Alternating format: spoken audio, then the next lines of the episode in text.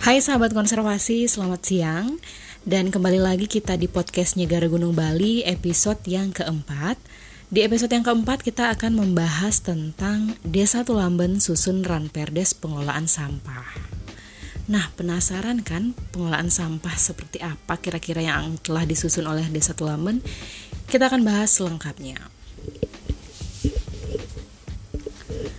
Sebagai bagian dari mengurangi tekanan terhadap kawasan konservasi perairan Tulamben dengan mencegah masuknya sampah plastik dari darat ke laut, Conservation International Indonesia mendampingi Desa Tulamben untuk melakukan survei timbulan sampah rumah tangga dengan melibatkan 300 kepala keluarga sebagai responden yang tersebar di enam dusun.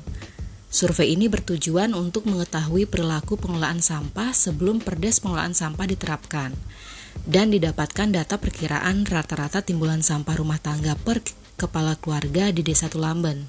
Sehingga Desa Tulamben bisa membuat kebijakan pengelolaan sampah yang lebih efektif dan efisien. Hasil survei yang dilaksanakan selama tiga hari didapatkan total timbulan sampah rumah tangga seberat 1.879,64 kg yang terdiri dari 390,4 kg sampah anorganik dan 1.489,24 kg sampah organik.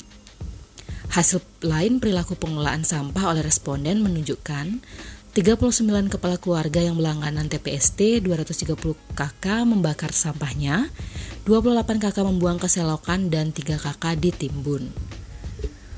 Hal ini juga dikarenakan warga yang masih memiliki kebun belakang rumah yang luas. Sampah organik umumnya dijadikan pupuk. Sampah sisa makanan dijadikan pakan ternak. Sampah plastik dan residu masih menjadi masalah utama karena kurangnya pengetahuan warga dalam penanganan sampah tersebut skala rumah tangga. Dari hasil survei tersebut, beberapa rekomendasi yang ditawarkan yaitu perlu didorong kemauan untuk memilah sampah, mendorong pembuatan bank sampah unit di masing-masing banjar, dan komitmen pengalokasian APBDes untuk pengelolaan sampah.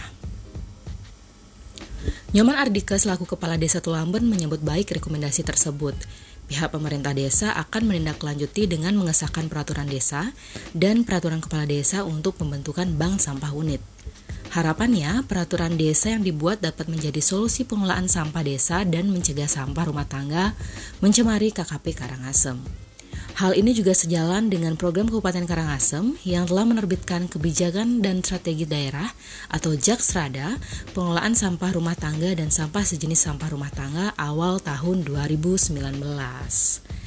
Nah, sahabat konservasi sudah terungkapkan seperti apa pengelolaan sampah Desa Tulamben melalui rancangan peraturan desa ini di mana telah dilakukan survei kepada e, 6 dusun yang ada di Desa Tulamben.